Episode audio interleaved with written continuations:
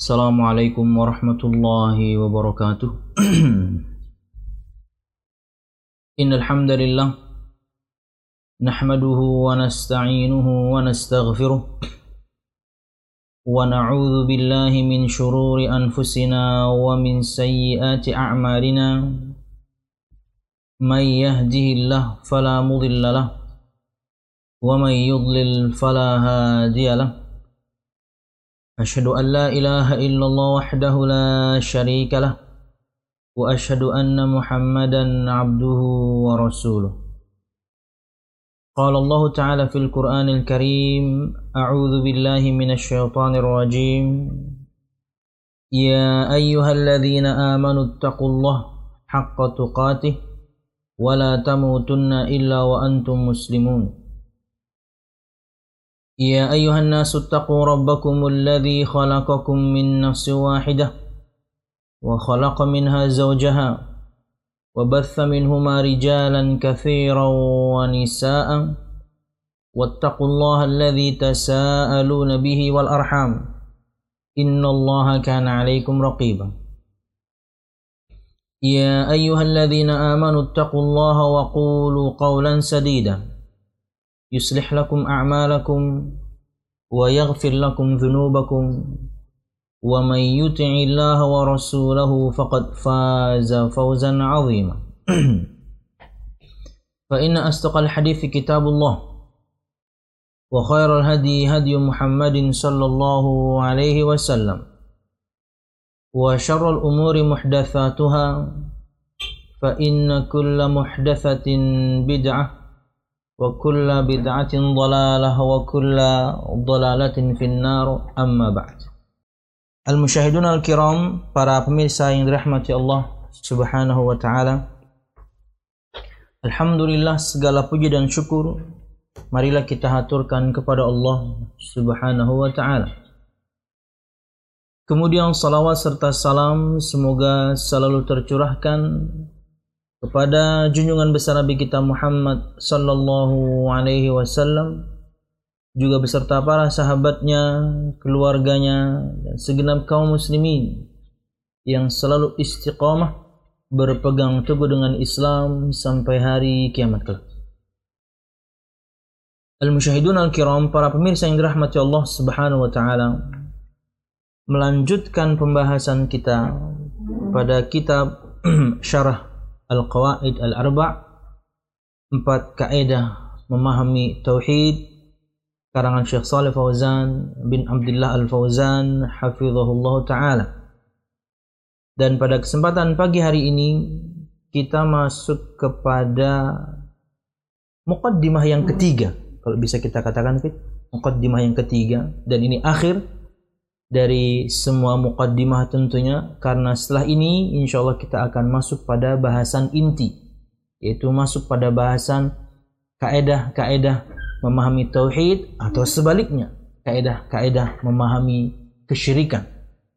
Makanya yakni pada mukaddimah yang ketiga ini kita berikan tema dengan judul pentingnya memahami tauhid dan syirik. Pentingnya memahami tauhid dan syirik. Al-musyahidun al-kiram, para pemirsa yang dirahmati Allah Subhanahu wa taala, perhatikan halaman 33. Untuk siapa pun di antara pemirsa sekalian yang memiliki uh, buku terjemahannya, yakni silahkan dibuka di halaman 33 dan untuk yakni pemirsa sekalian yang belum memilikinya untuk area Banjarmasin, Banjarbaru dan Martapura, maka yani silahkan hubungi eh, nomor yang pernah kita posting waktu itu untuk ikhwan kepada Mas yani Rahman Abu Aqila dan untuk akhwat kepada Mbak Syarifah Ummu Aqila. Yani untuk mengambil eh, buku yani saku ini tentunya gratis bagi yang belum dapat ya kalau misalnya ada pertanyaan bagaimana yang dari luar kota, ya tetap hubungi mereka berdua. Tetap hubungi mereka berdua. Karena jika stok masih ada, ya kita akan kirimkan. Cuma tentunya ya Anda akan tanggung ongkos kirimnya. Wallahu a'lam bishawab. Oke, perhatikan halaman 33 bahasan kita yang baru Dan insya Allah ini uh, mukaddimah yang terakhir dari total tiga mukaddimah ini sebelum masuk pada bahasan inti yaitu tentang kaedah-kaedah memahami tauhid atau kemudian sebaliknya memahami kesyirikan. Oke. Okay? uh, sebutkan dalam matanya dari Syekh Muhammad bin Abdul Wahab kata beliau rahimahullah taala فإذا عرفت أن الشرك إذا خالط العبادة أفسدها وأحبط العمل وصار صاحبه من الخالدين في النار. عرفت أن أهم ما عليك معرفة ذلك. لعل الله أن يخلصك من هذه الشبكة وهي الشرك بالله. الذي قال الله تعالى فيه إن الله لا يغفر أن يشرك به ويغفر ما دون ذلك لمن يشاء. وذلك بمعرفة أربعة قواعد ذكره الله سبحانه وتعالى في كتابه yang artinya adalah perhatikan. Jika Anda telah mengetahui bahwa kesyirikan apabila mencampuri peribadatan maka akan merusakkan peribadatan tersebut dan akan menghapuskan amalan serta menjadikan pelakunya kekal di neraka maka Anda akan mengetahui bahwasanya perkara yang paling penting atas kalian adalah memahami perkara tersebut. Ya, karena yakni ibadah rusak, amal terhapus dan kekal di neraka. Ibadah rusak, amalan terhapus dan kekal di neraka. Maka kata Syekh maka Anda menyanyi uh, maka Anda akan mengetahui bahwasanya perkara yang paling yakni penting atas Anda adalah mengetahui perkara tersebut. Apa itu? Ya kesyirikan. Semoga Allah Subhanahu wa taala akan membebaskanmu dari asyabkah ini yaitu kesyirikan, ya. Karena ia merusak ibadah, karena ia menggugurkan amal, karena ia mengekalkan pelakunya naudzubillah di neraka Allah Subhanahu wa taala. Jadi ini perkara yang paling penting. Perkara yang paling penting yang harus kita ketahui. Bagaimana cara mengesahkan Allah Subhanahu wa taala dalam peribadatan? Bagaimana agar kita terhindar dari kesyirikan yang merusak ibadah menghapus amal dan mengekalkan pelakunya di neraka. Ini perkara yang paling penting yang harus kita ketahui. Tauhid dan kemudian lawannya adalah syirik. Yaitu kesyirikan yang dikatakan oleh Allah Subhanahu wa taala Inna Allah la yaghfiru an bihi wa yaghfiru ma duna dzalika liman yasha' dalam surah An-Nisa ayat 48 dan juga 116 Allah Subhanahu wa taala berfirman yang artinya adalah sesungguhnya Allah Subhanahu wa taala tidak akan mengampuni dosa syirik dan dia mengampuni segala dosa selain syirik itu bagi siapa yang dikehendakinya. Yang demikian itu dengan mengetahui empat kaedah yang telah Allah Subhanahu wa taala sebutkan dalam kitabnya. Nah, itu yang kita akan pelajari insyaallah mulai pekan depan. Dengan mempelajari kaedah-kaedah ini, tahu kita apa itu syirik. Dengan mempelajari kaedah-kaedah ini, akhirnya selain kita tahu syirik dan bisa menghindarinya, maka kita melakukan lawannya, yaitu tauhid, mengesahkan Allah Subhanahu wa taala dalam peribadatan. Insya Allah kita akan bahas mulai pekan depan sudah masuk pada bahasan inti yaitu kaidah yang pertama. Tapi sekarang masih muqaddimah berkaitan dengan yakni kesyirikan yang merusak peribadatan yang membatalkan yakni amal dan naudzubillah jika orang itu meninggal dan kemudian tidak bertaubat kepada Allah Subhanahu wa taala dari kesyirikannya kekal dia di neraka Allah Subhanahu wa taala dan tidak bisa ditolong. Nah, kita akan bahas dalam keterangan Syekh Saleh Fauzan bin Abdullah Al Fauzan hafizallahu taala. Oke. Okay. Keterangan beliau Syekh Saleh Fauzan ay madama annaka arafta at-tauhid huwa ifradullah bil ibadah يجب أن تعرف ما هو الشرك لأن الذي لا يعرف الشيء يقع فيه. فلا بد أنك تعرف أنواع الشرك من أجل أن تجتنبها لأن الله تعالى حذر من الشرك وقال إن الله لا يغفر أن يشرك به ويغفر ما دون ذلك لمن يشاء.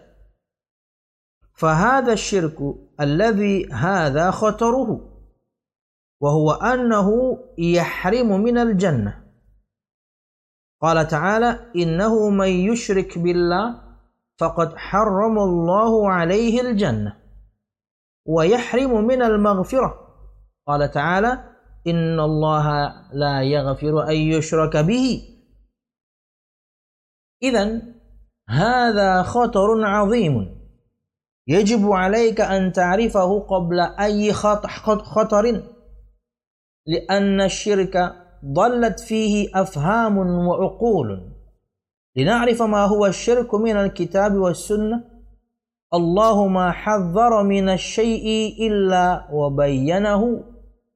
وما أمر بالشيء وما أمر بشيء إلا ويبينه للناس.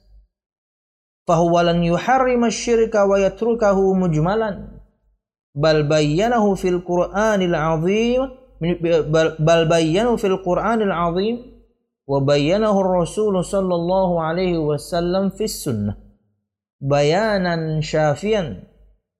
فإذا أردت أن تع... فإذا أردنا أن نعرف ما هو الشرك نرجو إلى الكتاب والسنة حتى نعرف الشرك narji'u ila yani ila qawli fulanin wa hadha sayati Berkata Syekh Saleh Fauzan bin Abdullah Al-Fauzan menerangkan matan yang tadi kata beliau Madama annaka arafta tauhid Selama engkau mengetahui apa itu tauhid wa huwa ifradullah bil ibadah dan tauhid itu adalah mengesahkan Allah Subhanahu wa taala dalam peribadatan.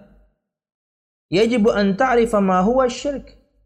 Maka wajib atasmu juga untuk mengetahui apa itu syirik. Jika kamu sudah tahu apa itu tauhid yaitu mengesahkan Allah Subhanahu wa taala dalam peribadatan maka kamu kata Syekh juga harus tahu apa itu lawannya tauhid yaitu syirik kepada Allah Subhanahu wa taala. Taswiyatu ghairillah billah mimma huwa min khasaisillah. Menyamakan selain Allah dengan Allah pada perkara-perkara yang itu adalah keistimewaan Allah Subhanahu wa taala. Lianna alladhi la ya'rifu syai'a yaqa'u fihi. Karena sesungguhnya orang yang tidak mengetahui sesuatu dalam hal ini kesyirikan ya fi dia akan masuk ke dalamnya fala budda annaka ta'rif anwa asy min ajli an tajtanibaha kata Syekh maka kamu harus mengetahui macam-macam kesyirikan agar kamu bisa menjauhinya jadi kita mempelajari untuk tahu dan memahami untuk kemudian meninggalkan. Jadi kita mempelajari kesyirikan ini, kita mempelajari empat kaedah ini karena sebagian menerjemahkan empat kaedah memahami tauhid seperti terjemahan di sini. Sebagian juga kemudian menerjemahkan empat memahami kesyirikan lawannya. No problem, sama aja sebenarnya. Karena kalau Anda faham kaidah ini, Anda tahu lawannya. Anda faham kaidah itu, Anda tahu lawannya. Karena memang ini berlawanan. Maka kata Syekh, maka engkau harus mengetahui macam-macam kesyirikan. Dengan nanti kita akan mempelajari kaedah-kaedah kesyirikan. Karena kalau sudah tahu kaedahnya, nanti prakteknya gampang. Karena biasanya prakteknya tentunya macam-macam, tapi kita punya kaedahnya dulu. Kita tahu prinsipnya dulu. Jadi kemudian bisa dipraktekkan pada banyak contoh. Pegang kaedahnya. Maka engkau harus mengetahui macam-macam kesyirikan min ajli an tajtanibaha. Mengetahui macam-macam kesyirikan itu untuk menghindarinya.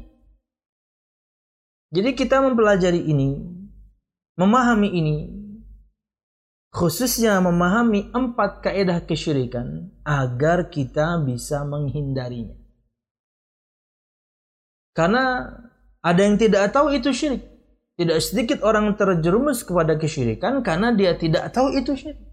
Makanya kata Syekh sebelumnya, li'anna alladhi la ya'rifu syai'a yaqa'u Karena sesungguhnya orang yang tidak mengetahui akan satu perkara dalam bahasan kita adalah kesyirikan, karena asyai'a di sini pakai alif lam. Tentunya ini sesuatu yang khusus, spesifik dan merujuk kepada kesyirikan yang disebutkan sebelumnya. Li'anna alladhi la ya'rifu syai'a. Karena sesungguhnya orang yang tidak mengetahui sesuatu, sesuatunya ini adalah kesyirikan. Yaqa'u fih, dia akan masuk ke dalam. Jadi kita harus tahu. Maka lu sebutkan tadi, tidak sedikit orang yang terjerumus kepada kesyirikan, dia nggak tahu itu syirik. Apakah dimaafkan? Ya pasti. Lawa nggak tahu. Tapi kalau sudah ada yang ngasih tahu, Anda lanjut dengan kesyirikan Anda, nah itulah yang dihitung. Makanya Nabi Muhammad SAW mengajarkan kepada kita satu doa agar kita terhindar dari kesyirikan yang kita ketahui dan yang tidak kita ketahui. Supaya dimaafkan. Allahumma inni a'udzubika min an usyrika bika a'lamu wa nastaghfiruka mimma la a'lamu. Ya Allah ya Tuhanku, aku berlindung kepadamu dari menyekutukanmu dan aku tahu. Jadi sudah tahu satu perkara ini syirik, ya Allah aku berlindung padamu supaya tidak terjerumus karena aku sudah tahu wa nastaghfiruka mimma atau wa astaghfiruka mimma la a'lam dan aku mohon ampunanmu ya Allah dalam perbuatan-perbuatan syirik yang aku tidak ketahui. Nah ini. Makanya iqamatul hujjah menegakkan hujjah itu harus sampai orang itu faham. Ini yang oleh yang ulun ikuti ya. Karena ada khilaf juga tentunya di kalangan para ulama bahwasanya ketika menegakkan hujah asal ditegakkan cukup. Orang itu faham atau tidak, maka untuk yang menyampaikan itu sudah cukup. Dia telah menurunkan bebannya, dia telah melaksanakan tugasnya. Pendapat yang kedua, harus menyampaikan hujah tapi harus sampai orang itu faham dong. Harus orang itu sampai faham. Nah, ini yang saya uh, condong kepadanya. Menyampaikan hujah sampai orang itu faham. Faham dia? Nah, baru kemudian tugas kita selesai. Baru kemudian tugas kita selesai. Lanjut dia kemudian dengan maksiatnya. Na'udzubillah. Lanjut dia dengan kesyirikannya. Oh, tugas kita selesai. Lawang dia sudah faham kok. Nah kata Syekh, yajibu an ta'rifa ma huwa syirik Wajib kamu harus tahu apa itu kesyirikan. Lianna alladhi la ya'rifu syai'a yaqa'u fihi karena seseorang yang tidak mengetahui sesuatu yaitu kesyirikan, dia masuk ke dalam. Ulun ulangi lagi, tidak sedikit orang yang terjerumus kepada kesyirikan karena nggak tahu itu syirik. Maka tugas kita untuk mengingatkan. Ya, dan ketika Anda mengingatkan, selembut apa pun Anda mengingatkan, sangat mungkin ditolak oleh orang. Apalagi Anda kasar. Ya. Tapi tidak sedikit juga tentunya. Ketika ada orang yang diingatkan, tersapa dia oleh hidayah Allah Subhanahu wa taala, mudah dia menerima nasihat Bahkan mungkin dari orang yakni yang lebih rendah daripada dia dalam masalah power misalnya ya. Yang menasihati dia adalah rakyatnya, dia pejabat. Yang menasihati dia adalah anaknya, dia orang tua. Yang menasihati dia adalah istrinya, dia suami. Levelnya lebih tinggi dong. Lebih punya power dong sebenarnya. Tapi subhanallah, sekalipun yang menasihatinya mungkin orang yang lebih muda, hidayah Allah menyapa. Hingga kemudian dia mudah meninggalkan kesyirikan, mudah dia menerima nasihat untuk meninggalkan kesyirikan. Yang sedang dia lakukan karena ketidaktahuan. Karena ketidaktahuan. Al-musyahidun al-kiram. Fala budda annaka ta'rif anwa'a syirki min ajli an tajtanibaha. Maka kamu harus mengetahui macam-macam kesyirikan dengan tujuan untuk menghindarinya. Nah, semua kita belajar ini, semua kita belajar kaidah-kaidah ini nanti mulai pekan depan insya Allah supaya kita bisa menghindari. Faham kita kaidah kesyirikan supaya kita bisa menghindari. Kita pelajari kaidahnya karena nanti prakteknya bisa macam-macam. Tapi kalau kita faham kaidahnya, oh kita tahu ini syirik, oh itu bukan. Kita tahu ini syirik, oh itu bukan. Kenapa? Kaidahnya kita faham. Nah ini juga kemudian yang kita akan fahamkan ke orang lain. Agar kemudian orang juga mudah memahami mana tauhid, mana syirik. Hingga kemudian dia selamat dari kesyirikan. Surga Allah menanti. Itulah yang banyak digaungkan oleh banyak para jai sebenarnya. Dakwah tauhid ini itu juga mempelajari lawannya. Jadi yakni Anda jangan kemudian apa istilahnya? menolak dulu padahal belum belajar. Dari pertama sudah nolak dulu. Padahal inilah perkara yang paling penting yang harus kita ketahui. Karena tujuan kita diciptakan untuk menyembah Allah. Maka nyembah Allahnya harus benar. Maka ibadahnya harus tidak tercampuri syirik. Karena kalau tercampur rusak. Amalnya hancur, gugur. Orangnya kalau sampai meninggal, sudah tegak hujah nih. Tapi kemudian sampai meninggal lanjut masih dengan kesyirikannya, maka tidak diampuni. Oh, bahaya. Dosa apa pun yang levelnya di bawah kesyirikan masih sangat mungkin diampuni. Kita akan bahas habis ini ayatnya juga sedikit tafsir. Tapi kalau udah syirik sampai meninggal masih syirik, syiriknya besar, no. Tidak ada ampunan dari Allah Subhanahu wa taala. Kekal di neraka, nauzubillah. Al-musyahidun al-kiram, li'anna Allah taala hadzara min asy-syirik. Karena Allah Subhanahu wa taala telah memberikan wanti-wanti, memberikan tahzi agar kemudian kita terhindar dari kesyirikan agar kita kemudian mewaspadai hingga kemudian kita tidak terjerumus ke dalam. Jadi jangan anti dulu. Karena ini yang bisa menyelamatkan kehidupan kita. Kita mengesahkan Allah Subhanahu wa taala sampai wafat selamat kita.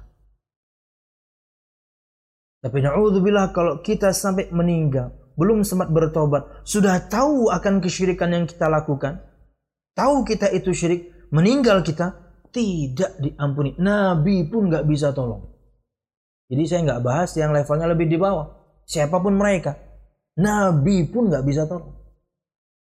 Kalau sudah meninggal dan tidak sempat bertobat dan dosa kesyirikan yang dia tahu itu syirik tapi dia tetap lanjutkan. Wallahu a'lam bishawab. Allah Subhanahu wa taala berfirman, Inna Allah la yaghfiru an yushraka bihi wa yaghfiru ma duna dzalika liman yasha. Sesungguhnya Allah Subhanahu wa taala tidak mengampuni untuk dipersekutukan dengannya. Allah tidak mengampuni dosa syirik. Siapa yang tidak diampuni ini? Yang meninggal masih syirik. Tapi kalau masih dalam kehidupannya, kemudian dia bertobat dari kesyirikannya, ya Allah ampuni. Karena Allah maha pengampun. Sekalipun dosanya syirik. Minta ampun, Allah ampuni. Ada tuh di surah uh, Az-Zumar. Ayat berapa tuh? 57 apa 7, 57 kayaknya. Ya. Bagaimana Allah menerangkan jangan berputus asa dari rahmat Allah. Sesungguhnya Allah Subhanahu wa taala mengampuni semua dosa, semua, termasuk syirik kata Syekh Sa'di. Asal minta ampun, bertobat sebelum meninggal. Makanya yakni sering gitu yang sebagian ikhwah ada ikhwan, ada akhwat gitu. Bagaimana dia menghadapi orang tuanya yakni yang masih melakukan kesyirikan. Ulun katakan, tugas Anda hanya menyampaikan. Ilmui dulu apa yang Anda akan sampaikan. Soal skala prioritas ini nomor satu. Maka ini harus Anda dakwahkan. Soal timing, Anda cari waktu yang tepat. Kurang tepat apa kalau misalnya orang tua Anda pelaku kesyirikan dan dia sekarang sedang sakit keras? Oh, ini waktunya sudah. Jangan sampai di dunia sudah sakit-sakitan, di akhirat, aduh, lebih menyakitkan lagi. Selamatkan. Kapan Ustaz? Oh sekarang. Apalagi dia misalnya betul sakit menaun, betul mungkin sangat berat, betul bahkan mungkin bisa jadi sakitnya tersebut jarang orang yang sembuh darinya tapi kan masih sadar, maka berdakwah. Hiasi dengan kelembutan. Semoga Allah Subhanahu wa taala kemudian wafatkan yakni mereka di atas ketauhidan kepada Allah Subhanahu wa taala dan sudah yakni gugur darinya dosa kesyirikan, bertobat. Wa yaghfiru ma duna dzalika liman yasha dan Allah Subhanahu wa taala mengampuni dosa-dosa yang di bawah level kesyirikan duna dzal, apa pun itu kalau misalnya pakai kitab Al-Kabair misalnya, Al-Kabair misalnya ya, yakni ya, karangan Imam Zahabi, kumpulan dosa-dosa besar itu. Beliau menyebutkan 76 tuh. 76 bab tentang dosa besar. Nomor satu ya syirik. Berarti 75 sisanya. Misal kalau kita pakai standar itu. 75 sisanya dosa besar itu semuanya. Tapi masih sangat mungkin Allah ampuni. Yang nomor satu syirik. No. Kalau meninggal belum tobat. Tapi kalau kemudian sebelum meninggal dia sempat bertobat, Allah Maha Pengampun. Tapi kalau yang levelnya di bawah syirik kepada Allah Subhanahu wa taala sampai meninggal pun dia belum bertobat, kemungkinan diampuni masih ada. Tapi bukan berarti kemudian kita meremehkan dosa, salah. Adab Allah perih sekali. Ah, nggak apa-apalah dosa ini itu yang penting bukan syirik. Kan Allah maha pengampun. Nah ini salah. Ini kalau belajar selalu mempelajari janji-janji maka orang akan meremehkan dosa. Makanya ciri dakwah Nabi dan Rasul itu janji dan ancaman. Ada janji ada ancaman. Biar imbang. Karena kalau yang disampaikan janji-janji saja orang akan terlena. Orang akan terlena hingga kemudian meremehkan dosa. Kenapa? Toh nanti saya juga akan diampuni. Wah, azab Allah perih. Berapa banyak ayat Allah Subhanahu wa taala yang menyebutkan innallaha syadidul iqab itu berkali-kali itu. Hukuman Allah sangat pedih. Contoh kayak sabda Nabi Muhammad sallallahu alaihi wasallam. Ketika beliau mensifati bagaimana yakni azab yang berat yang diterima oleh orang yang masuk neraka Allah SWT. Dan ini yang paling ringan. Kata Nabi Muhammad SAW, Inna ahwana ahlin nari azaban yawmal, yawmal qiyamah la rajulun yudha'u fi akhmasi qadamayhi jamrah yaghli minhu dimaghuhu. Aqmaqallah SAW. Sesungguhnya, seringan-ringannya, azab penghuni neraka adalah seorang laki-laki atau juga perempuan yang diletakkan bara api di bagian telapak kakinya darinya mendidih otaknya. Itu paling ringan itu. Diletakkan di telapak kaki bara api neraka Allah Subhanahu wa taala yang mendidih otak. Itu paling ringan. Kita tidak bisa bayangkan bagaimana yang beratnya apalagi yang paling berat. Kayak sabda Nabi Muhammad SAW tentang ancaman untuk orang-orang yakni apa itu e, para pelukis. Itu ancaman depannya inna min asyaddin nasi azaban yaumal qiyamah. Sesungguhnya azab yang paling syadid, yang paling keras, yang paling berat untuk para penghuni neraka. Di antaranya Nabi Muhammad menyebutkan al-musawwirun, para pelukis. Makhluk yang bernyawa tentunya. Ya. Wallahu a'lam bishawab. Jadi tidak boleh dianggap ringan. Lawang di dunia saja sebagian di antaranya Allah akan balas langsung kok. Ya, Allah Maha kok. Anda berbuat ya Anda akan mendapatkan balasannya dan itu bentuk keadilan dari Allah Subhanahu wa taala. Tapi Allah nggak pernah zalim. Allah nggak pernah zalim. Berapa yang kita lakukan ya seperti itu kemudian yang Allah Subhanahu wa taala berikan. Al jazau min jinsil amal. Balasan sesuai dengan jenis amalan. Allah Maha Adil. Dan bukan berarti kemudian ketika sebagian orang ada yang berdosa, entah itu kepada Allah atau kemudian kepada sama manusia, di dunia anteng saja gitu ya, di dunia kemudian lempeng aja hidupnya gitu ya. Apakah kemudian nanti tidak dibalas? Itulah kenapa adanya hari pembalasan. Karena banyaknya orang yang berbuat baik di dunia belum mendapatkan balasan baiknya. Betapa banyak orang yang buruk dan zalim di dunia belum mendapatkan juga setimpalnya. Hukuman setimpalnya belum didapatkan. Itulah kenapa adanya hari kebangkitan dan pembalasan. Karena Allah adil. Karena Allah adil. Maka untuk yang berbuat kebaikan, kebajikan dan di dunia belum mendapatkan pahalanya langsung dari Allah Subhanahu wa taala dan ini mustahil pasti Allah balas. Tapi kalau belum bersabar aja. Tapi sebaliknya, orang-orang yang berbuat zalim, entah itu kepada Allah dengan maksiatnya, Entah itu kepada Rasul dengan maksiatnya. Atau kepada sama anak Adam dengan kezalimannya. Maka Anda jangan kemudian santai. Anda jangan pernah merasa aman. Kenapa? Ada hari pembalasan. Yang baik dan belum dibalas, bersabarlah. Yang buruk dan belum ber, dan belum dibalas, jangan pernah merasa aman. Wallahu alam bisawab. Nah, Uh, sebagaimana ulun sebutkan tadi, kita ingin uh, sebutkan uh, tafsir singkat uh, untuk surah An-Nisa 48 dan juga yakni An-Nisa 116. Tuh, mana tadi nih? Siap.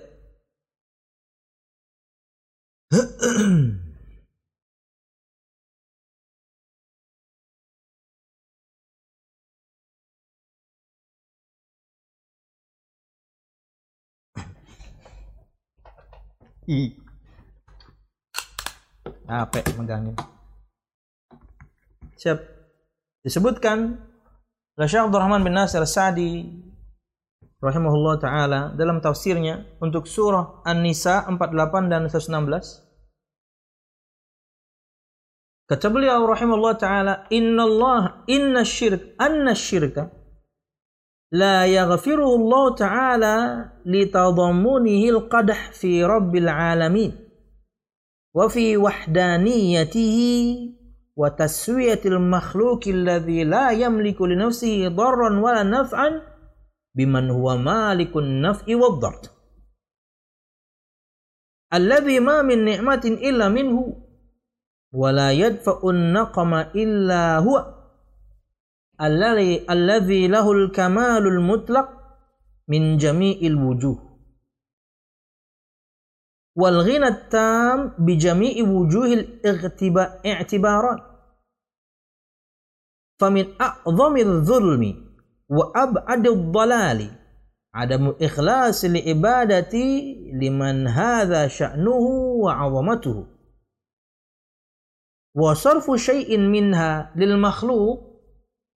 الذي ليس له من صفات الكمال شيء ولا من صفات الغني شيء بل ليس له إلا العدم.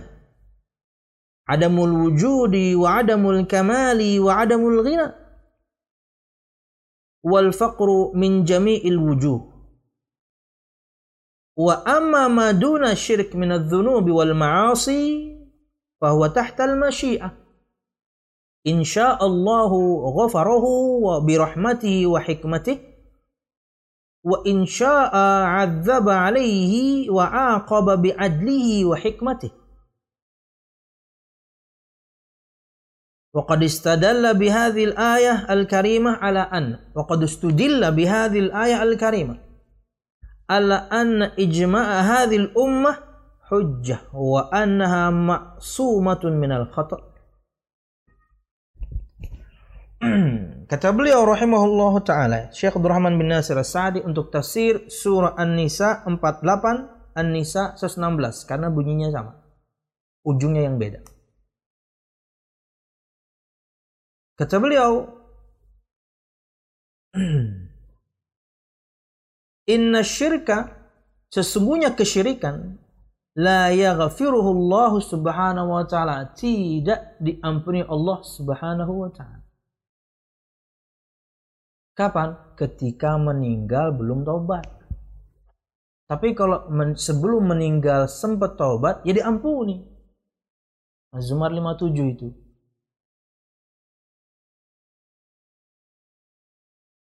Yaghfiru dzunuba jami'a. Di ujung ayatnya itu.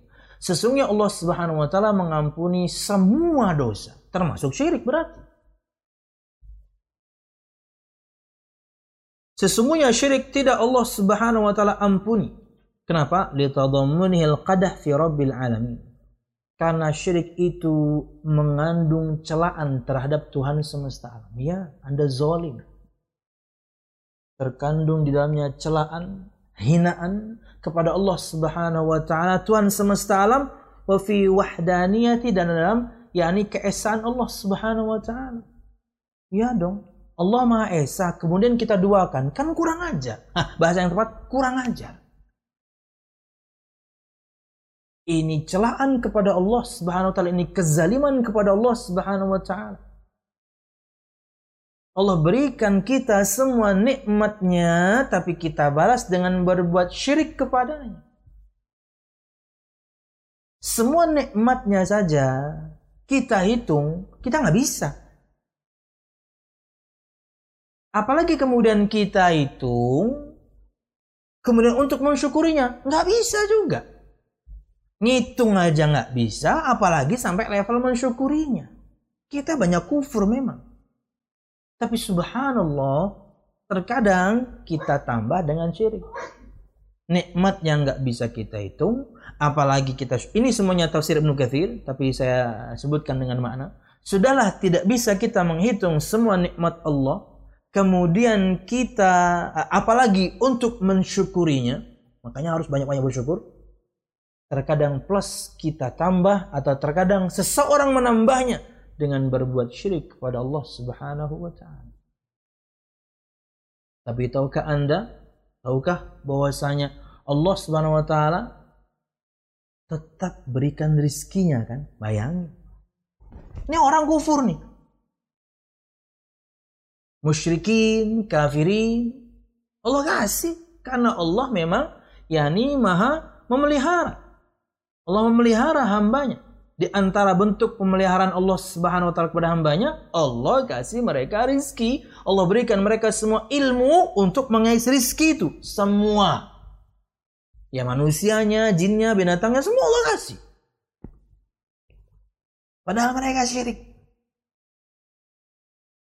Padahal kemudian mereka, ya na'udzubillah kufur. Allah kasih semua. Jadi kalau misalnya seorang muslim mengabaikan tidak yakni uh, fokus kepada yang halal, mengabaikan larangan-larangan yang haram dalam mengais rizki, ya kita sama sama orang kafir kalau begitu. Bedanya pemeliharaan Allah yang khusus itu kepada orang-orang yang beriman.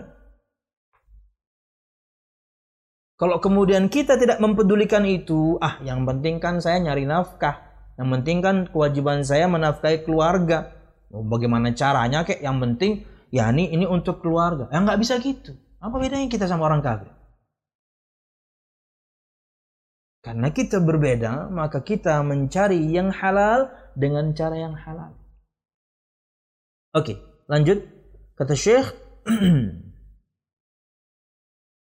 Bentar ya. Sinyalnya nyala. Jadi pop upnya keluar terus. Oke. Sesungguhnya syirik tidak Allah Subhanahu wa taala ampuni karena ia mengandung celaan kepada Tuhan semesta Allah Subhanahu wa taala dan pada keesaan Allah Subhanahu wa taala karena diduakan. Anda lecehkan dong keesaannya. Wa taswiyatil makhluqi alladhi la yamliku li nafsihi naf'an biman huwa malikun naf'i Dan di dalamnya juga dalam kesyirikan juga ada penyamaan makhluk yang tidak memiliki untuk dirinya kemadaratan dan kemanfaatan dengan Khalik Allah Subhanahu wa taala yang maha segalanya. Dialah sang pemberi, dialah yang memberikan manfaat, dialah yang memberikan madarat. Gimana kok bisa disamakan? Itulah pelecehannya.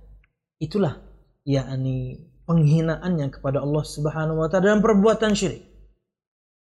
Anda lecehkan Allah dalam yakni e, keesaannya karena Anda duakan. Anda lecehkan Allah Subhanahu wa taala dalam semua asma dan sifatnya. Ya. Allah yang maha kemudian disamakan dengan makhluk yang tidak memiliki kesempurnaan. Siapa pun dia orangnya, entah Nabi Muhammad SAW atau Jibril alaihissalam, dia makhluk. Tidak bisa Anda samakan. Bukan tidak bisa, tidak boleh Anda samakan. Kemudian kata Syekh, Alladhi ma min ni'matin illa minhu. Yang di mana tidak ada satu kenikmatan pun kecuali dari Allah wala yadfa'ul naqama illa huwa dan tidak ada yang bisa kemudian menampik kemadaratan penyakit kecuali Allah. Alladzi lahul kamalul mutlak min jami'il wujuh. Yang miliknya lah kesempurnaan yang mutlak dari semua sisi. Wal ghinat tam bi jami'il wujuh al i'tibarat dan baginya lah semua kekayaan yang mutlak dari semua sisi tentunya tidak bisa. Yang maha seperti ini, yang maha sempurna, yang maha kaya, yang maha, yang maha, yang maha, yang maha, disamakan dengan makhluk. Nah, itu namanya pelecehan. Itu namanya penghinaan.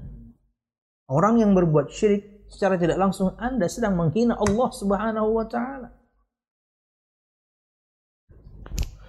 Kemudian kata Syekh, "Famin a'zami wa ab'adid dhalali adamul ikhlas li ibadah liman hadha sya'nuhu wa 'azamatuh.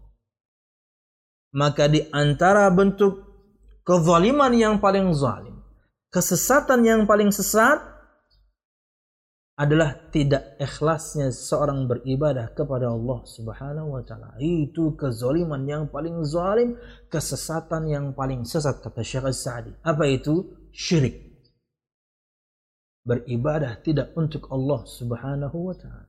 Makanya ini perkara paling penting. Perkara yang paling penting yang harus kita ketahui untuk menghindarinya yaitu syirik. Tapi di saat yang sama ini perkara yang paling penting untuk kita mengetahui dan memahaminya untuk mengamalkannya yaitu tauhid. Kita mempelajari keburukan seperti ini untuk menghindarinya. Ingat karena perkataan seorang sahabat siapa ya? Abu Dhar. Mudah saya tidak salah. Abu Dhar Al-Ghifari radhiyallahu anhu. Dulu kata beliau manusia selalu bertanya kebaikan kepada Nabi Muhammad SAW. Aku bertanya tentang keburukan. Bukan untuk melakukannya. Supaya aku bisa menghindarinya. Nah, kita belajar begini nih, uh, muncrat. Kita belajar tentang kesyirikan nih untuk menghindarinya. Belajar lawannya yaitu tauhid atau tinggal dibalik saja untuk kemudian kita bisa mengamalkannya. Kemudian wa sarfu syai'i min halil makhluq alladhi laysa lahu min sifatil kamali syai' wala lahu min sifatil ghina syai' bal laysa lahu illa al-adam dan memalingkan sesuatu yang harusnya dipersembahkan kepada Allah tapi dipalingkan kepada makhluk yang tidak memiliki sifat kesempurnaan sedikit pun yang tidak memiliki sifat kekayaan sedikit pun. Bahkan yang ada sifatnya ketidakpunyaan. Hamba ini nggak punya. Kita bahas kemarin ya kita al-faqir. Kita orang yang sangat butuh kepada zat yang maha kaya Allah. Bagaimana kemudian orang bisa samakan al-fakir dengan al-ghani? Orang fakir dengan orang kaya, orang yang sangat membutuhkan terkait kepada yang lain dengan yang kaya yang nggak butuh sama siapa-siapa. Nggak bisa sama. Nah, itulah yakni kesyirikan. Orang kalau berbuat syirik itu berarti menyamakan Allah dengan makhluk menyamakan yang sempurna dengan yang tidak, menyamakan yang maha dengan yang nggak punya. Zalim nggak? Zolim sekali. Sesat nggak? Sesat sekali. Dan inilah yang selalu digaungkan oleh banyak dai. Agar semua kita selamat. Dai-nya selamat, mustamidnya selamat. Ada yang nggak suka? Ya, siapa? Ada dengkotnya, iblis. Dan Anda jangan jadi kemudian kaki tangannya iblis. Tidak suka ketika orang menyampaikan dakwah tauhid. Karena di saat yang sama dia akan menyampaikan agar orang terhindar dari syirik. Karena tujuan target jangka panjangnya iblis semua kita masuk neraka. Syirik itu nomor satu. Khutwatus syaitan, langkah-langkah syaitan untuk menjerumuskan kita ke neraka Allah Subhanahu wa taala, langkah paling tingginya ya kita berbuat syirik. Kenapa? Karena nggak diampuni. Nah ini teman gua nih. Nah ini yang nemenin gua di neraka nih. Kenapa? Karena dia nggak diampuni. Di neraka selama selama selama lamanya. Itu sudah janji iblis sejak dulu. Al-Musyahidun al-Kiram. Ini perkara yang paling penting yang harus kita faham. Faham tauhid dan agar terhindar dari syirik ngerti syirik agar kita kemudian bisa mengesahkan Allah dengan tauhid. Tinggal dibalik-balik aja.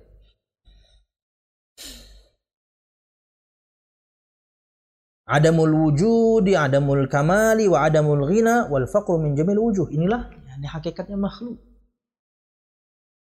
Fakir. Tidak memiliki sifat kesempurnaan, tidak memiliki sifat kaya. Yang kemudian tidak membutuhkan dan kita sangat butuh kepada Allah Subhanahu wa taala dari semua sisi. Maka adalah sebuah penghinaan dan pelecehan kepada Allah, kezaliman yang paling zalim, kesesatan yang paling sesat ketika seorang tidak mengikhlaskan ibadahnya kepada Allah yaitu berbuat syirik. Wa amma maduna syirik. Sedangkan yang di bawah kesyirikan, dosa yang levelnya di bawah kesyirikan. Oke. Okay. Wa amma ma duna syirki min adh-dhunubi wal ma'asi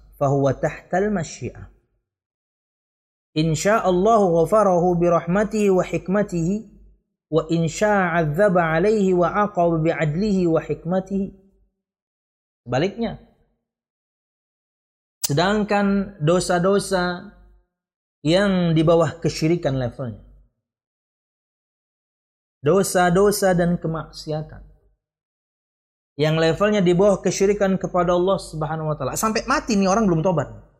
Tapi level dosanya di bawah kesyirikan kepada Allah Subhanahu wa taala.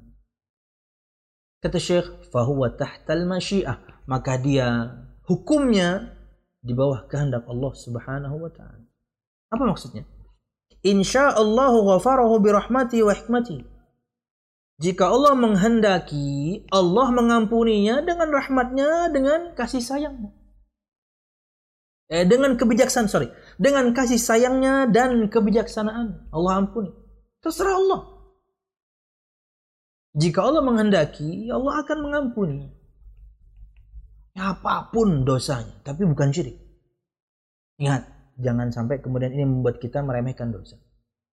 Wa insya alaihi. Ya, ini sebaliknya. Kenapa kita tidak boleh meremehkan dosa? Dan jika Allah menghendaki, Allah akan mengazabnya. Wa aqaba adlihi dan akan menghukumnya dengan keadilan Allah dan kebijaksanaan sesuai dengan kadar dosa yang dia lakukan. Sesuai dengan kadar maksiat yang dia lakukan. Makanya kayak contoh misalnya sabda Nabi Muhammad SAW kayak tadi pagi saya nonton potongan eh, video Ustaz Syafiq Basalama Ta'ala tentang tidak masuk surganya orang yang memutus tali silaturahim Eh, video pendek saya tonton dari pagi. Kata Nabi Muhammad SAW, La yadkhulul jannah qati' Oh, qala SAW. Tidak masuk surga orang pemutus. Maksudnya pemutus tali silaturahim. Orang-orang ring satu silaturahim itu. Orang tua, paman, bibi, saudara. Yang ada hubungan rahimnya kemudian. Kakek, nenek, buyut yang sama. Rahim. Pertanyaannya, bukankah itu levelnya di bawah syirik? Tapi kenapa Nabi Muhammad sebutkan tidak masuk surga? Kan levelnya di bawah syirik. Maka kaidah ini berlaku. Kaidah ini berlaku. Jika Allah ingin mengampuni, Allah akan ampuni karena Allah Subhanahu wa taala Maha Pengasih, Maha Bijaksana. Tapi jika Allah ingin mengadabnya, Allah akan adab sesuai kadarnya. Lalu bagaimana cara memahami tidak masuk surga itu? Kata para ulama, di nerakanya sangat lama. Di nerakanya sangat lama tapi dia akan masuk surga pada akhirnya. Kenapa? Karena dosanya bukan dosa syirik. Wallahu a'lam bishawab. Lanjut kembali kepada kita. Fahada syirku alladhi hadha khataruh wa huwa annahu yahrimu minal jannah wa yahrimu minal maghfirah. Maka inilah kesyirikan dan inilah bahayanya. Tidak Allah ampuni kalau sebelum meninggal belum taubat wa huwa annahu yahrimu minal jannah dan juga syirik itu mengharamkan pelakunya dari surga Allah Subhanahu wa taala berfirman, "Innahu man yusyrik billah faqad harramallahu alaihi al-jannah." Dalam surah Al-Maidah ayat 72, Allah Subhanahu wa taala berfirman, "Innahu man yusyrik billah faqad harramallahu alaihi al-jannah wa ma'wahu an-nar wa ma lidh-dhalimin min ansar." Yang artinya adalah Barang siapa sesungguhnya barang siapa yang mempersekutukan Allah dengan sesuatu berbuat syirik maka sungguh Allah mengharamkan surga baginya. Cukupkah sampai di situ? Belum. Dan tempat kembalinya ialah neraka. Cukuplah sampai di situ? Belum. Wa ma min ansar dan tidak akan ada penolong pun bagi orang-orang yang zalim itu, maksudnya berbuat syirik itu. Tiga. Diharamkan dari surga, tempat kembalinya neraka, dan tidak bisa ditolong. Perhatikan tafsir singkat untuk ayat ini. Dari Syekh Sa'di juga, kata beliau rahimahullah ta'ala, Innahu man yushrik billah ahadan minal makhlukin la Isa wa la ghair. Sesungguhnya barang siapa yang berbuat syirik kepada Allah dengan seseorang di kalangan makhluk, sekalipun dia Nabi Isa atau yang lain. Jadi contohnya tinggi sekali. Syekh nyebutin di sini levelnya Nabi ya. Makanya juga sering menyampaikan, ya ini Rasul Nabi kita Muhammad. Anda persembahkan doa kepada Nabi Muhammad syirik. Apalagi kepada orang yang levelnya di bawah Nabi Muhammad kan gitu. Pakai standar paling tinggi udah. faqad haramallahu alaihi jannah maka Allah haramkan untuknya surga wa nar dan tempat kembalinya neraka wa dzalika li'annahu sawal khalqa bil khaliq itu karena dia menyamakan makhluk dengan khalik sang pencipta khalaqahu Allah lahu wa huwa al-ibadah al-khalisah li ghairi man hiya lahu dan karena dia telah memalingkan peribadatannya kepada selain Allah Subhanahu wa taala. Fastahaqqa ayyukhlada finnar, maka dia berhak untuk dikekalkan di api neraka. Wa ma lidh-dhalimin min ansar dan tidaklah untuk orang-orang yang berbuat zalim itu maksudnya syirik karena kesyirikan itu kezaliman yang paling zalim kepada Allah. Min ansar memiliki penolong yunqidhunahum min adzabillah atau yadfa'una anhum ma nazala bihim. Mereka tidak bisa menyelamatkan orang-orang yang berbuat syirik dari azab Allah. Karena nggak bisa ditolong. Tidak bisa mereka kemudian menolong orang-orang lain. Yang berbuat syirik tidak bisa ditolong dari azab Allah Subhanahu wa taala. Au yadfa'una anhum ma ba'dha ma nazala atau bisa menampik menghalangi murka Allah Subhanahu wa taala yang turun pada mereka enggak bisa. Di dunia bisa saja Allah Subhanahu wa taala kemudian murka kepada yang berbuat syirik, Allah turunkan azab yang mereka sembah nggak bisa nolong. Mau nabi sekalipun nggak bisa nolong. Kalau Allah turunkan azab kepada orang yang buat syirik di dunia, di akhirat sama. Ya,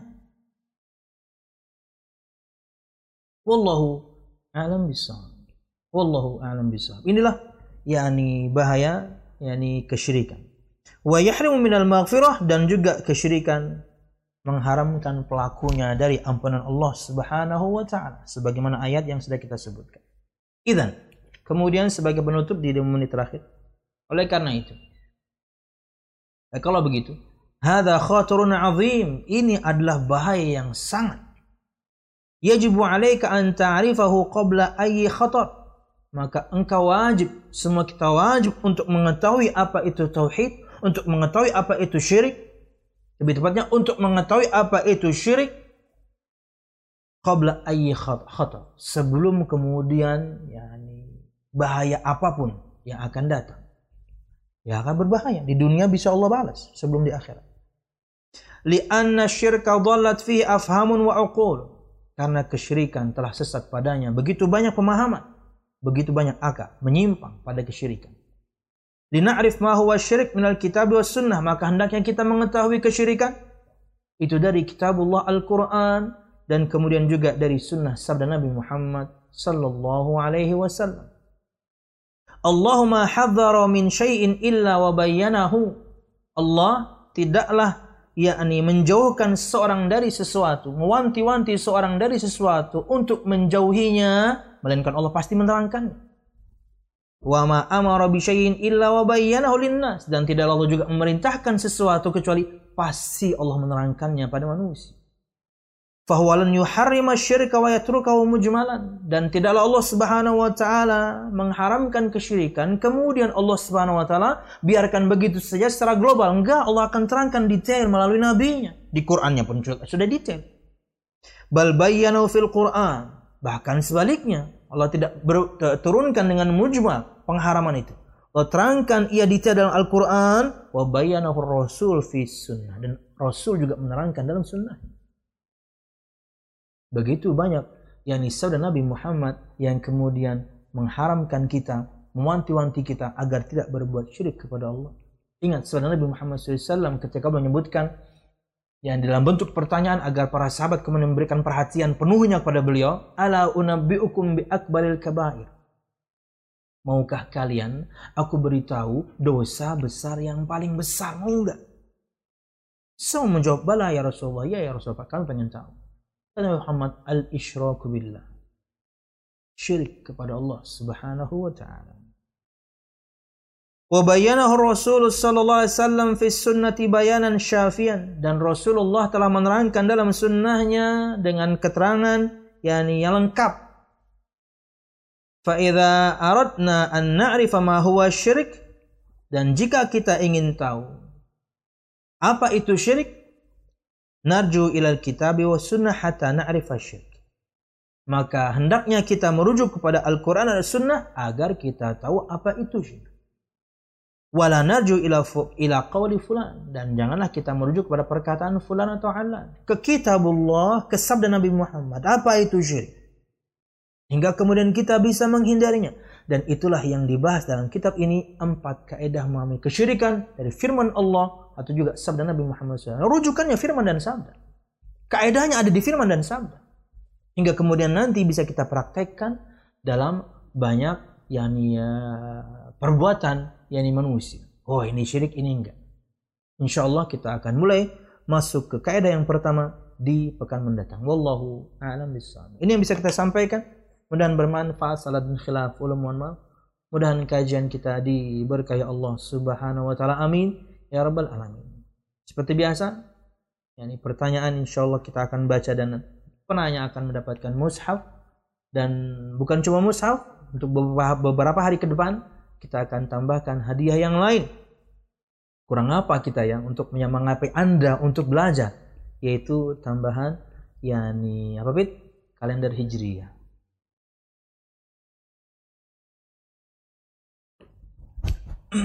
sorry Pit tabletnya Pit pertanyaannya di situ Pit ya berapa juga? Bukan asal nanya ya pertanyaan tapi saya baca dan terima kasih untuk semua donatur ya, ya. Yang telah yakni menginfakkan hartanya untuk yakni beli musaf terjemahnya beli kalendernya ya untuk dibagikan untuk semua kita ya. Oke.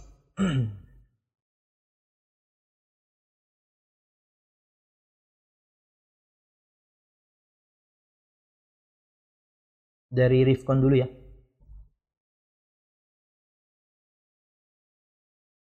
Assalamualaikum Ustaz. Waalaikumsalam. Apakah kalau takut akan wabah virus corona ini termasuk ke dalam kesyirikan? Tidak.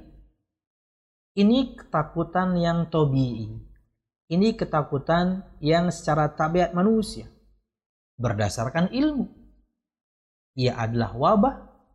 Ia adalah yakni Eh, berbahaya berdasarkan kemudian perkataan para orang-orang yang ahli di bidangnya. Jadi ini yakni takut yang tabi'i, ini takut yang secara tabiat manusia. Semua kita yakni takut, sama seperti kita takut juga sama-sama yakni ke atau dari binatang buas, maka tidak. Tapi tentunya karena kesempurnaan agama Islam, Nabi Muhammad pun memberikan kepada kita yakni petunjuknya. Petunjuknya untuk tidak membahayakan diri sendiri, untuk tidak membahayakan diri orang lain. Karena bisa jadi kemudian kita yang membawa virusnya dan kita tidak ada gejala karena kita kemudian orang lain juga berbahaya nggak buat. Makanya sampai sekarang pun masjid-masjid kita ya, masih tutup. Walaupun alhamdulillah untuk Banjarmasin ya, ini sudah mulai membaik. Tapi setelah mengobrol dengan orang-orang yayasan maka belum. Kita nggak boleh gegabah. Sekalipun kemudian sudah menggembirakan. Tapi kalau betul-betul aman, Bismillah. Wallahu a'lam bishawab. Insyaallah semua kita kangen untuk kembali ke masjid, berjamaah di masjid, kajian di masjid. Tapi kita tunggu seaman mungkin. Walaupun kemudian sudah aman pun, kayaknya tetap protokol kita akan yakni lakukan. Wallahu alam bisa. Ini yang di depan kita saja, panitia cukup repot. Karena tidak bisa kita ingkari banyak kaum muslimin ya tetap mereka untuk uh, ingin melakukan ibadah kurban. Tapi panitia harus menyiapkan segala sesuatunya di antaranya menghindarkan berkumpulnya orang yang banyak. Barakallahu fiikum. Wallahu alam bisawab. Uh, Oke.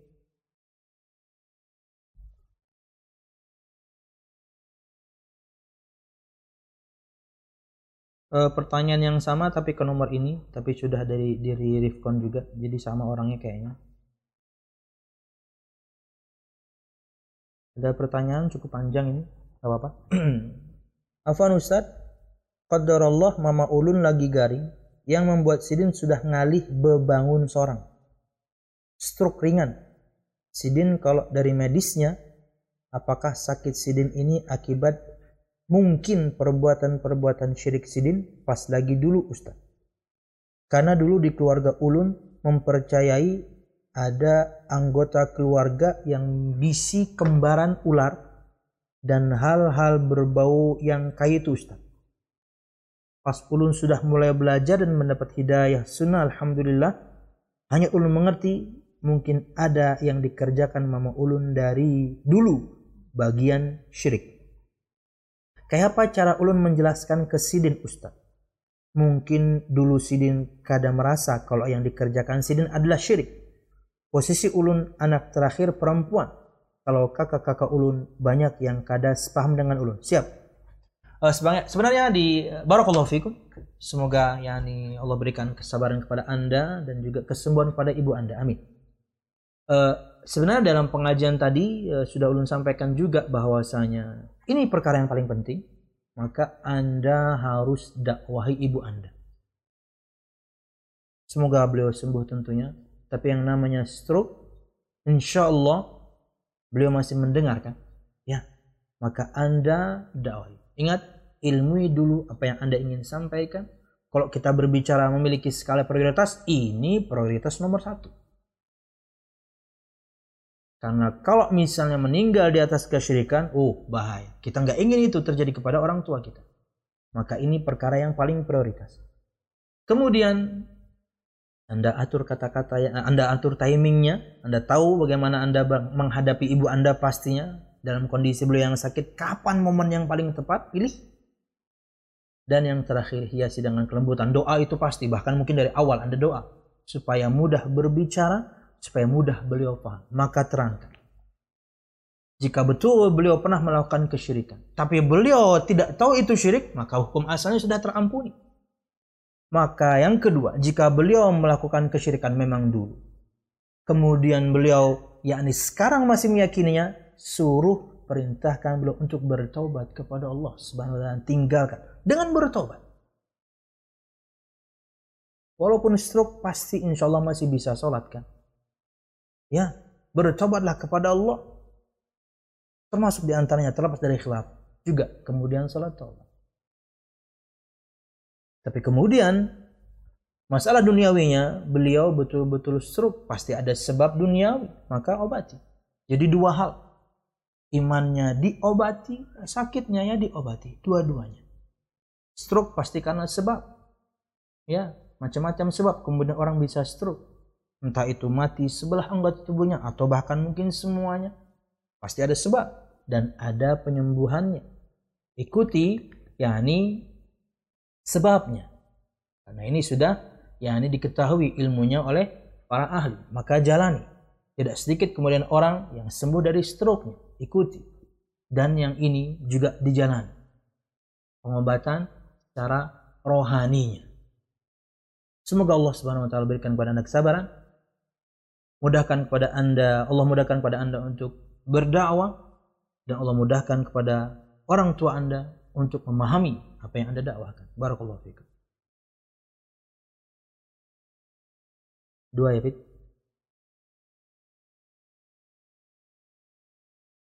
Kemudian Afan Ustadz bertanya tentang pengobatan khas orang Banjar bepidara. Apakah itu termasuk syirik Ustadz? Si pengobat membacakan doa dicoret-coret pakai kunyit di tangan dan di bagian lain pada anak yang kena pidara. Hukumnya menurut Ustaz bagaimana? Siap. Al-musyahidun al-kiram. Jika yakni seorang anak katakanlah misalnya kena ain. Kena ain. Tiba-tiba sakit. Tanpa sebab. Pokoknya tiba-tiba sakit. Eh tanpa sebab. Sebabnya kena ain. Artinya dia dari pagi biasa, sehat, makanan juga tercukupi, bercanda dia dengan teman-temannya main. Totonya nggak ada jatuh juga karena biasanya anak sakit atau panas itu mungkin bisa jadi kesleo. Ini enggak. Maka sangat mungkin kena ain. Dan hanya orang-orang yang beriman yang percaya karena ini perkara gaib. Susah mengimaninya, tapi betul-betul ada. Dia gaib. Maka obati dia dengan dirukyah. Obati dia dengan dirukyah. Yaitu dengan bacakan kepadanya Al-Quran. Boleh kemudian sambil yakni uh, menggendongnya ya atau kemudian yakni meruqyah air kemudian meminumkan kepadanya boleh ruqyah yang diajarkan Nabi Muhammad sallallahu alaihi wasallam ada sembilan kalau nggak salah caranya dibacakan Al-Quran atau kemudian dibacakan Al-Quran sambil disentuh bagian yang sakit dibacakan Al-Quran sambil diusap-usap bagian yang sakit dalam hal ini kalau tubuhnya panas ya usap aja seluruh tubuhnya atau sambil digendong. Dan cara-cara yang lain yang diajarkan Nabi Muhammad Shallallahu Alaihi Wasallam. Wallahu Kalau misalnya praktek orang Indonesia, orang Banjarmasin seperti itu maksudnya maksudnya adalah rukyah, maka syar'i. Tapi sekarang kenapa harus pakai kunyit? Nah, ini pertanyaan. Maka Anda bahas dulu secara medis. Apa manfaat kunyit?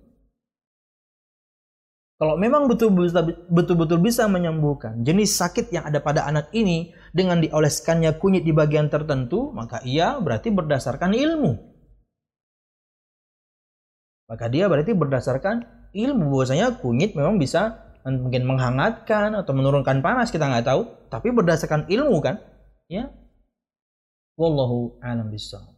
Dan kesembuhan tetap dari Allah Subhanahu wa taala.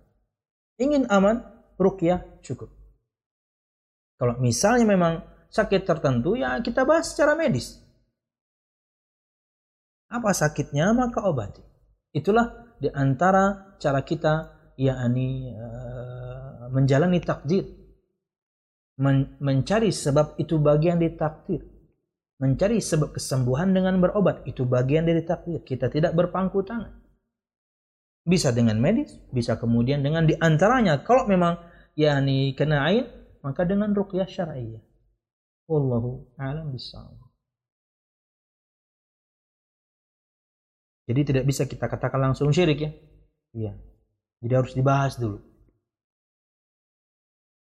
Kemudian eh, ini virus corona sudah tadi. Nah, ini yang keempat nih ya. Assalamualaikum warahmatullahi Bagaimana seseorang mengucapkan demi Allah dan demi Rasul? Apakah itu syirik? Iya. Karena kalau bersumpah itu harus atas nama Allah saja. Nggak boleh kemudian atas nama Rasul. Apalagi orang yang levelnya di bawah Rasul. Nggak boleh. Syirik. Syirik. Wallahu alam bisawab. Wallahu alam bisawab. Maka siapa pun di antara yakni mungkin keluarga atau teman Anda melakukannya, maka pertama Anda ilmui dulu. Kemudian karena ini skala prioritas kesyirikan, maka ini yang paling prioritas harus kita sampaikan. Sampaikan tentunya dengan uh, kelembutan. Awal pertama kali Anda berdoa supaya mudah ngomong dia mudah paham dan tentunya yakni uh, ya cari timing yang tepat. Karena yang namanya bersumpah itu untuk semua kita para makhluk harus atas nama Allah Subhanahu wa taala. Dalam bahasa Arab itu bisa billahi, wallahi, tallahi itu dalam bahasa Arab sama. Tapi kalau dalam bahasa Indonesia ya demi Allah. Sumpah itu boleh. Kenapa? Untuk menguatkan perkataan yang datang setelahnya. Allah pun bersumpah. Tapi hak Allah untuk bersumpah dengan semua makhluknya. Tapi kalau makhluk, bersumpahlah atas nama Allah subhanahu wa ta'ala. Wallahu a'lam Orang yang melakukannya bisa jadi belum paham. Jadi harus kita kasih tahu. yang terakhir ya. Hmm.